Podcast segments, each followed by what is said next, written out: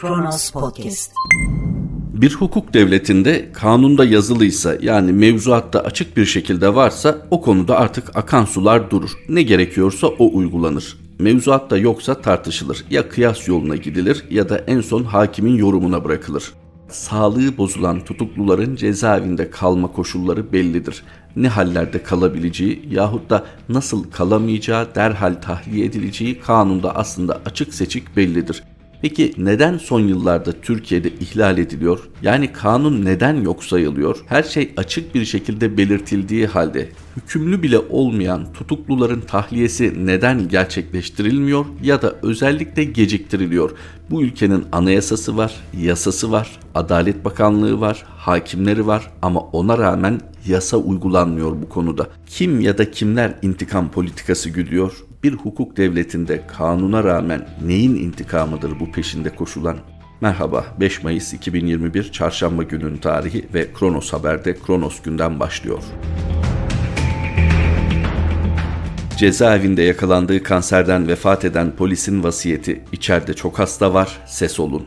Selahattin Sevi imzalı bir özel haber. İlk olarak aktaracağımız Tekirdağ Kapalı Cezaevinde yakalandığı pankreas kanseri 4. evreye çıkana kadar tahliye edilmeyen ve geçtiğimiz günlerde hayatını kaybeden KHK'li eski polis memuru Abdülvahit Tunçay'ın eşi Songül Tunçay ve kızı Fatma Türkan Tunçay Kronos'a yaşadıklarının detaylarını aktardı. Songül Tunçay eşinin adeta ölüme terk edildiğini belirtirken kızı Fatma Türkan Tunçay ise babasının hayatını kaybetmeden önce kendilerine bana bir şey olursa diğer hastalar ölmesin insanların sesini duyurun dediğini aktardı. Ekim 2020'de tutuklanan ve Tekirdağ Birnoğlu T tipi cezaevine gönderilen Tunçay'ın cemaat soruşturmaları kapsamında 25 yıl hapis cezasına çarptırıldığı öğrenildi.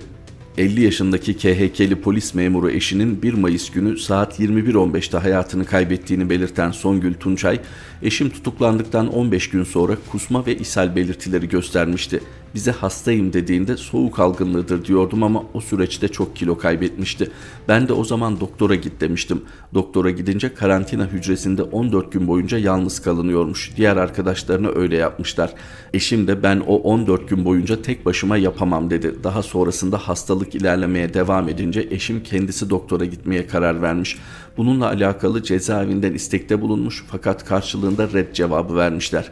Eşim hastaneye gidebilmek için 25-30 dilekçe yazdı fakat hastaneye götürmediler. En sonunda hastalık ölümcül seviyeye ulaştıktan sonra bu talebi değerlendiriyorlar. Eşim artan ağrıları sonrasında artık yatağında değil sandalyede yatar hale gelmişti ve bunu gördükleri halde hastaneye götürmediler ifadelerini kullandı.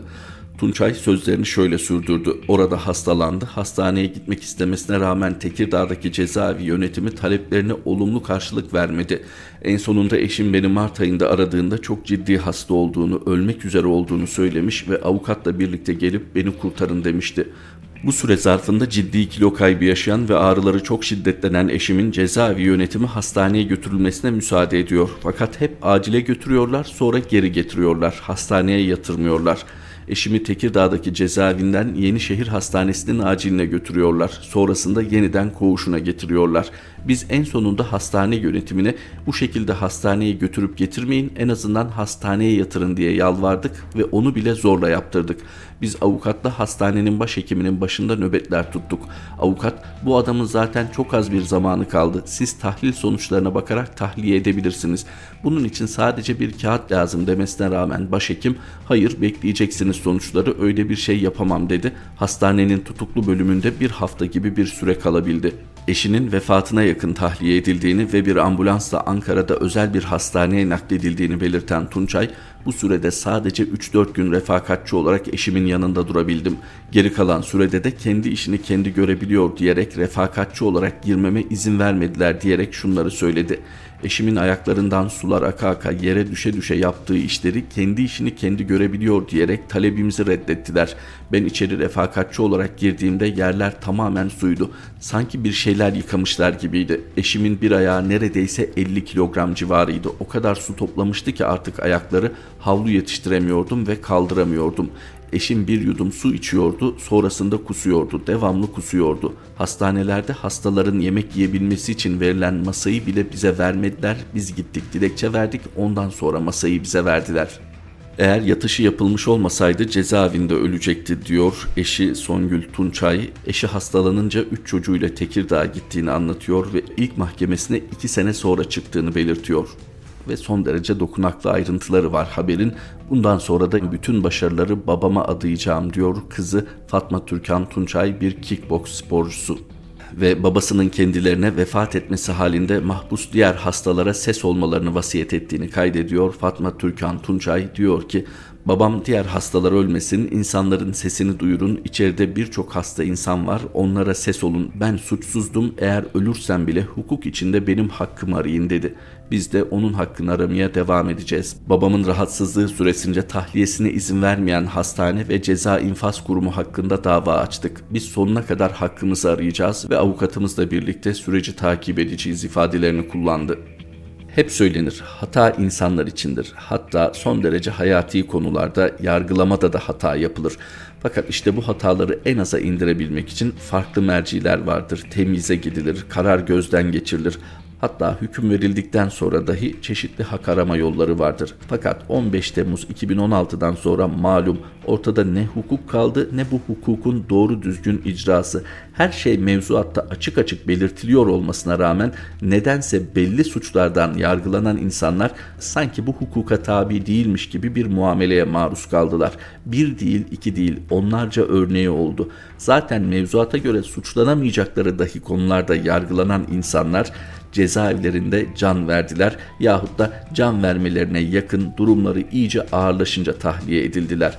Oysa gereği yapılsa yani hastalıkları tespit edildikten sonra tahliye edilmeleri gereken hastalar bir an evvel tahliye edilseler belki ciddi bir kısmı kurtarılacaktı ki sağlık raporları bunu gösteriyor aslında. Peki niçin yapılıyor bu? Hani şimdi uzun uzadıya 15 Temmuz 2016'da ne oldu ve ne olmadı sorularının cevabını burada arayabilecek değiliz ama sırf ondan sonraki bu hak ihlallerine baktığımızda çok ciddi fikir ediniyoruz. Bazı insanlardan intikam alınıyor. Ama ne kadar haklı bir intikam ve bir hukuk devletinde nasıl böyle bir intikam politikası güdülebiliyor? Uygulayıcılar buna nasıl izin verebiliyor? Hatta nasıl alet olabiliyor? İnsanın aklı alabilir belki ama vicdanı kabul etmiyor. Nitekim cenazesi 2 Mayıs'ta Ankara'da Beypazarı'ndaki köyünde defnedilen Abdülvahit Tunçay da vasiyet ediyor. İçeride çok hasta var, onların sesi olun, suçsuzdum ben ölsem bile hakkımı arayın diye. Sosyal medyada sıkça dillendirilen bir itiraz. Bu hikayeler dizilerde olsa, filmlerde olsa hüngür hüngür ağlarsınız ama gerçek hayatta yaşanıyor ve hiçbir şey yapmıyorsunuz. Bugünün Cumhurbaşkanı da, Adalet Bakanı da, yargının üst düzey bürokrasisi de bu olan bitende mutlak pay sahibi. Camide biber gazı istifa getirdi. Gaziantep İl Emniyet Müdürü emekliliğini istedi. Gaziantep İl Emniyet Müdürü Cengiz Zeybek, Furkan Vakfı üyelerinin bir camide itikaf yaparken emrindeki polis ve bekçilerin biber gazıyla müdahale etmesinin ardından istifa ederek emekliliğini istediğini duyurdu. Emniyet Müdürü Zeybek yaptığı yazılı açıklamada 1984 yılında komiser yardımcısı olarak başladığı meslek hayatında çeşitli görevlerde bulunduğunu, 2009 yılında ise Kars'ta İl Emniyet Müdürlüğü yaptığını belirtti. 17-25 Aralık sürecinin ertesinde İstanbul'da polis baş müfettişi olarak görev yaptığını kaydeden Zeybek, dönemin ruhuna uygun bir ifade kullanıyor. Diyor ki 19 Ocak 2014'te Adana'da hain FETÖ'cülerin MİT tırlarını arama girişiminin başarısızlığa uğratılmasında ve 15 Temmuz hain hain darbe girişimi esnasında Adana Emniyet Müdürü olarak sonrasında Balıkesir ve en son Gaziantep'te İl Emniyet Müdürü olarak verilen emaneti yerine getirmeye çalıştım. Gerekli selamı çaktıktan sonra devam ediyor Zeybek. 2 Mayıs pazar günü Gaziantep'te kendilerini Furkan gönüllüsü olarak adlandıran bir grubun camilerde kalabalık halinde toplandığını ve ilgililerin kararlı duruşu sonucu da aldıklarını ileri sürerek şu savunmayı yaptı. Gelen istihbari bilgilere göre itikaf bahanesiyle camilerden çıkılmayacağı, kimi oluşumların geçmişte denediği gibi sivil itaatsizlik ve alternatif cuma benzeri bir girişim içinde olunacağı bilgisi alınmıştır. Gaziantep İl Müftüsü'nün 3 Mayıs günü saat 5.40'da 40-50 kişilik grupların camileri boşaltmamakta direndiğini ve desteğe ihtiyaçları olduğuna dair talebi üzerine tarafından günün nöbetçi müdürüne yeterince kuvvet alarak din görevlilerine destek olunması talimatı verilmiştir. Pandemi koşullarında alınan önlemleri çarpıtarak halkımızı kışkırtmak amacıyla İslam dininin kutsalları da istismar edilmek suretiyle bir provokasyon girişiminde bulunulmuştur. Her gün yüzlerce kişinin vefat ettiği bir ortamda önce sözlü ikazlarda bulunulmuş, grubun hakaret ederek eylemlerine devam etmesi üzerine kademeli olarak müdahale edilmiştir.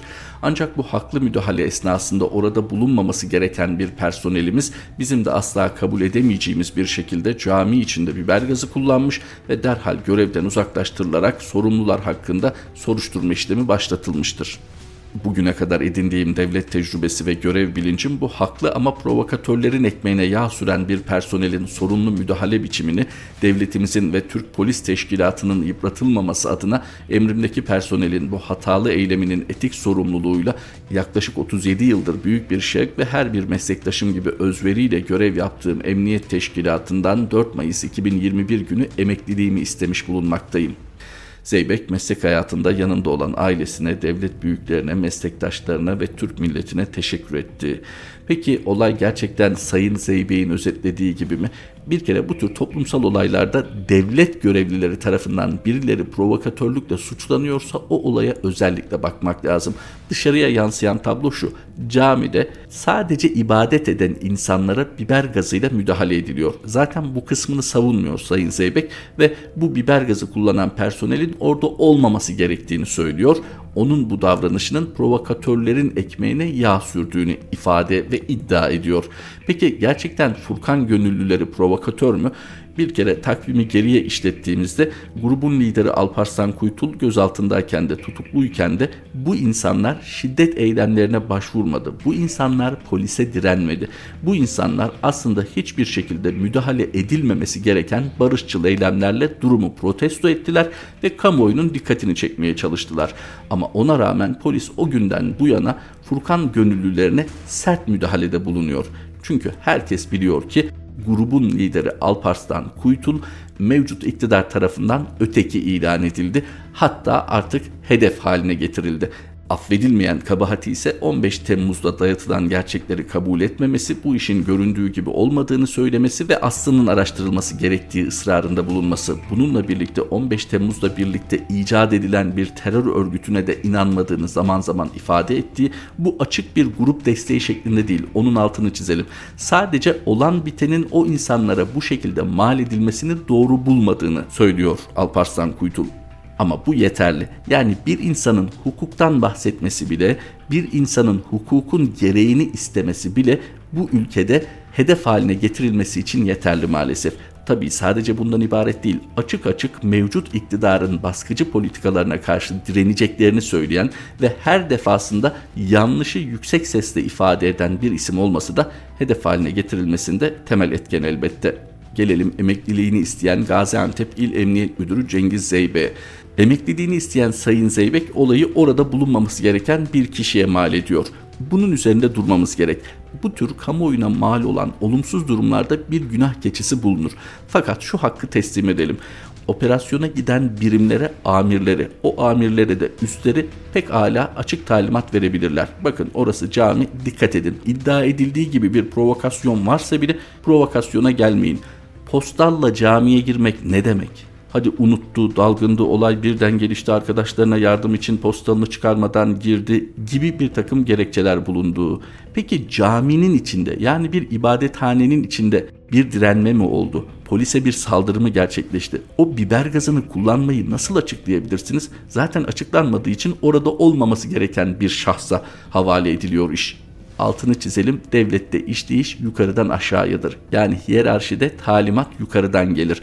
Yani gerekli ifadelerle işte kararlı duruş, göz açtırmamak gibi ifadelerle bu hava estirilmiştir. Oysa bu tür müdahalelerde yukarıdan aşağıya şu talimat gitse insanları incitmeyin. Velev provokasyon var. Yine de incitmeyin. Çünkü şiddet kullandığınız takdirde zaten o provokasyona gelmiş olacaksınız. Ama altını çizelim. Furkan Vakfı gönüllülerinin ısrarla vurguladığı şu. Biz sadece itikafa girmek istiyoruz. Yani Ramazan'ın son 10 gününde ister 10 gün ister birkaç gün kendi istedikleri süre boyunca dünya ile ilişkilerini kesmek istiyorlar. Kur'an okumak istiyorlar, ibadet etmek istiyorlar. Bunun kime ne zararı var? Ha vurguluyor emekliliğini isteyen Gaziantep İl Emniyet Müdürü Sayın Cengiz Zeybek. İşte bu salgın ortamında Peki şimdi mi aklınıza geldi bu salgın ortamı? Elbette siz kendi alanınızda gerekli tedbirleri almak gibi bir savunma geliştirebilirsiniz. Ama bakınız bu ülkede otellerde lebalep partiler düzenlenebiliyor. Bu ülkede lebalep kongreler düzenlenebiliyor. Şimdi tam kapanma adı altında bile çifte standartlı bir uygulama söz konusu. Ama siz orada sosyal mesafeye de dikkat eden insanların camide ibadetine izin vermiyorsunuz. Bakınız yine burada İçişleri Bakanlığı'nın genelgesini uygulamakta ısrarcı olunabilir. Hiçbir itirazım yok. Ama o insanların zaten bir şiddet eylemi söz konusu değil. İkna edilebilir, tek tek alınabilir. Hemen ertesi gün zaten Adana'da Alparslan Kuytul'la birlikte gözaltına alınan 14 yaşındaki oğluna ters kelepçe takılmasını nasıl izah edecek acaba önümüzdeki günlerde yetkililer? 14 yaşında bir çocuk nasıl bir mukavemet gösterdi? Velev direndi şunu da mı hesap edemiyorsunuz? Yani bu çocuk gerçekten zapt edilmeli ama biz buna rağmen ters kelepçe takmamalıyız. Çünkü vereceğimiz görüntü çocuğa kelepçe takmak olacak. Bu dahi düşünülemiyor mu? Yoksa burada olabilecek en sert tepki gösterilerek gözdağı mı verilmek isteniyor? Bunun üstünde durmak lazım. Gözdağı verilmek mi isteniyor sorusu bile çok geç bir soru. Fakat salgın tedbirleri de öne sürülerek bundan sonra daha da ilerletilecek bu baskıcı tutuma dikkat çekmek için bu soruların ısrarla sorulması lazım. Önemine binaen altını çiziyorum. Bu tür durumlarda devlet rengini yukarıdan aşağıya aksettirir. Bu tür toplumsal olaylara nasıl müdahale edileceği yukarıdan açık talimatla iletilebilir. Neden yapılmıyor? Yani niçin camide böyle bir görüntü çıkmasına müsaade ediliyor? Niçin dini bir grubun liderinin 14 yaşındaki oğluna bir çocuğa ters kelepçe takılıyor? Bu fotoğraf ortaya çıkıyor.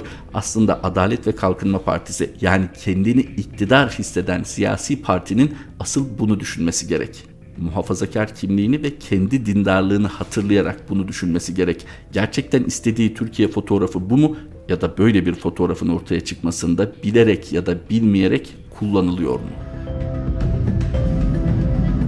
Rabia 4 ama Mısır Türkiye'nin önüne normalleşme için 3 şart koyuyor. Kahire merkezli Mağda Masr adlı gazeteye bilgi veren Mısırlı yetkililer iki ülke arasındaki ilişkilerin normalleşmesine dair müzakereler için Kahire'ye giden Dışişleri Bakan Yardımcısı Sedat Önal başkanlığındaki heyetin önüne 3 şart koyulacağını bildirdiler.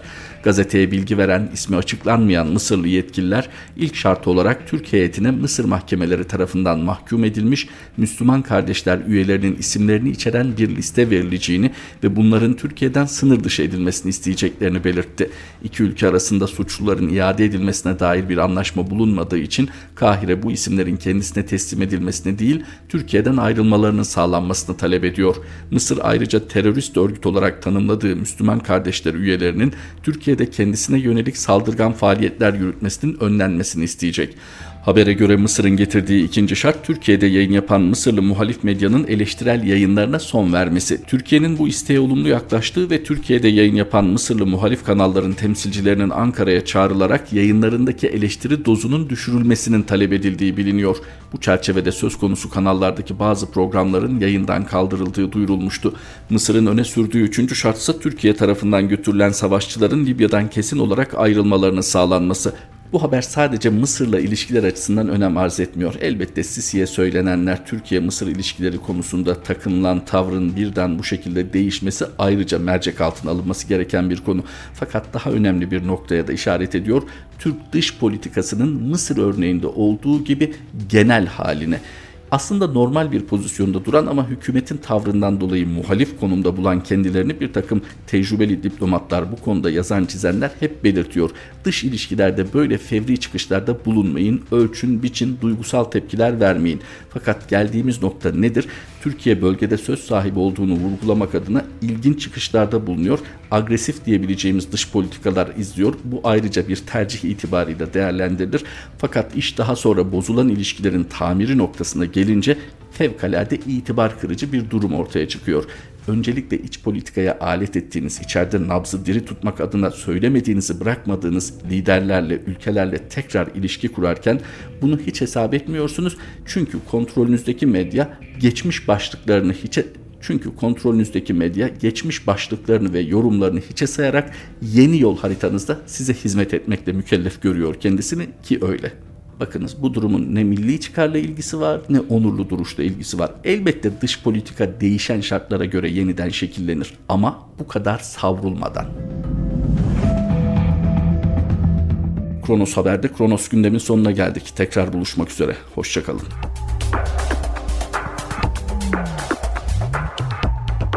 Kronos Podcast